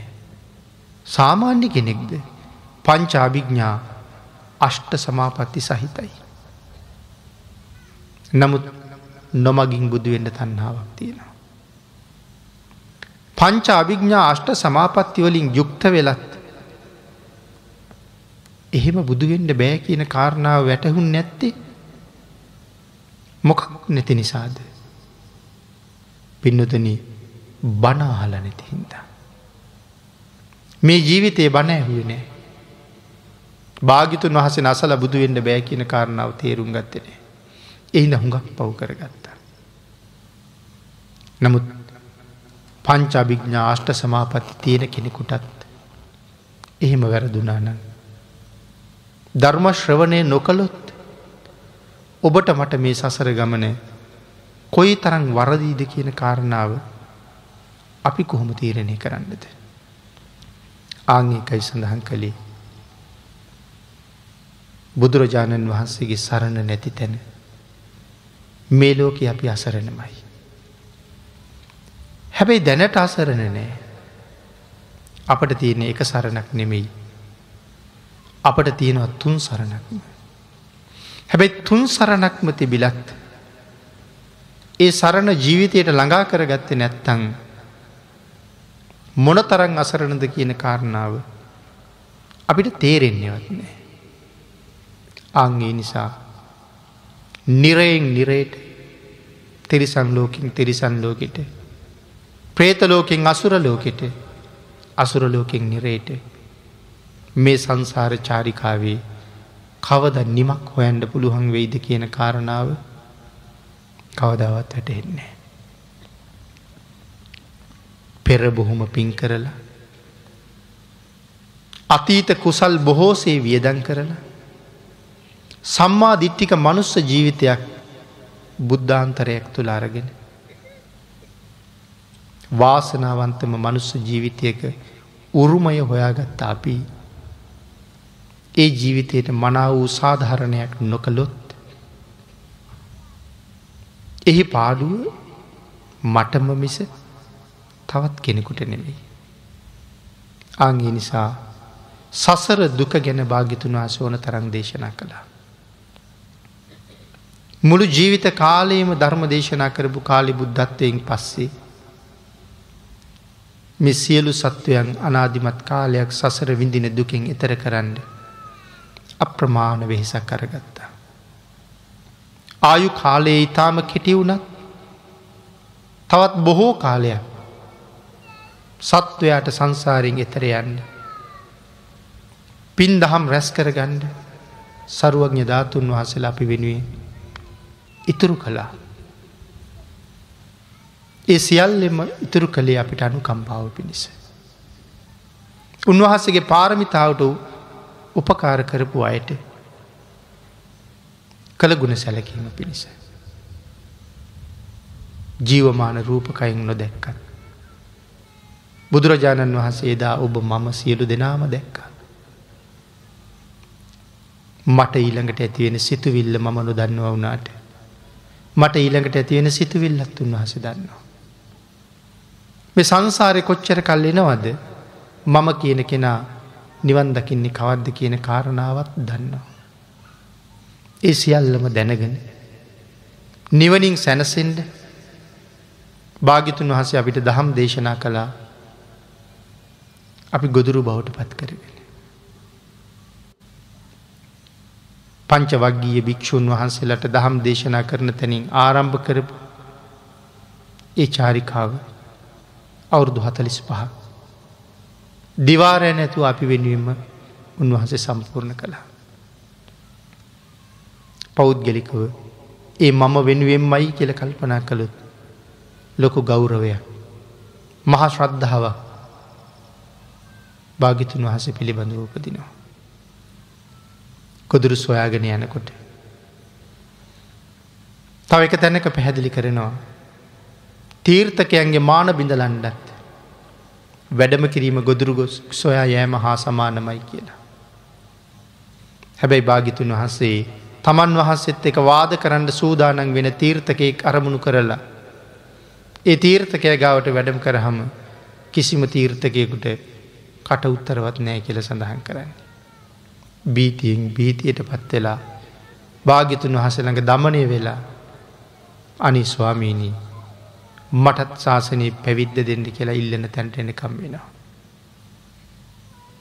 ඒ ශාසනින් පැවිද්ද ඉල්ලගෙන ඒ ශාසනය තුළ සිව්වනක් පිරිසට ඇතුල්වෙන්ඩ අවසර ඉල්ලගෙන භාගිතුන් වහන්සේ කැමති වෙන විදිහට භාගිතුන් වහසේ සතුටු වෙන විදිහට කීකරු ශ්‍රාවකයෙක් හැටියට සරණ ලබාගෙන රැකවරණයක් අරගෙන සතරාපායෙන් මිදිල සංසාරි කෙරවල කරන්න තව තව ගුණපුරන්ඩ බුදුරජාණන් වහන්සේ අපිට හැම වෙලායිම මඟ පෙන්වා.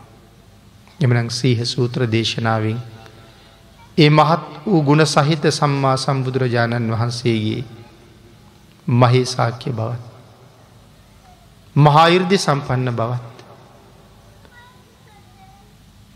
මහත් වූ ආශ්චරියත් තේජවන්ත බවත් මැනවින් කියාපාන සූත්‍ර දේශනාවකින් බුදුරජාණන් වහන්සේ ගැන කරුණු ටිකක් අපි සාකච්ඡා කළා. නමුත් සූහ සූත්‍රයේ නිමාවම නෙමෙයි. මේ අංගුත්තර නිකායේ චතුක්ක නිපාතයේ තියෙන කොටස විතරයි.